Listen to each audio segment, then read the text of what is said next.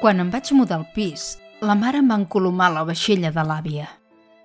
Era un conjunt esperionat de plats escardats de color crema, decorats amb unes flors ja despintades pel temps. Eren lletjos i poc pràctics, però també l'única relíquia familiar que ens havia arribat d'aquella dona menuda i pencaire. Un dia vaig tenir l'oportunitat d'entrar al palauet on la meva àvia havia fet de minyona. Per a mi aquella família era com una bèstia mitològica i les seves riqueses havien agafat aire de llegenda.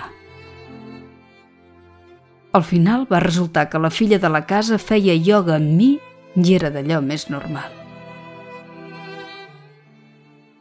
Passejant entre els salons immensos i desengelats, em vaig imaginar l'àvia atrafegada feinejant aquí i allà.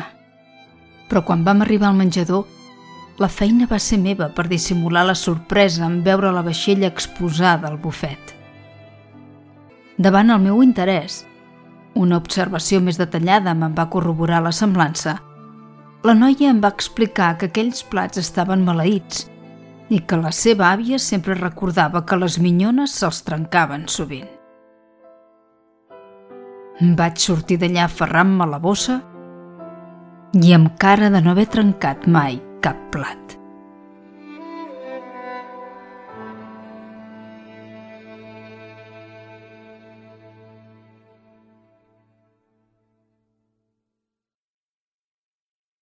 Homenatge de Sabina Batlle Baró Microrelat guanyador del concurs de microrelats de la Biblioteca Esteve Palutzí de Barberà del Vallès de novembre de 2020.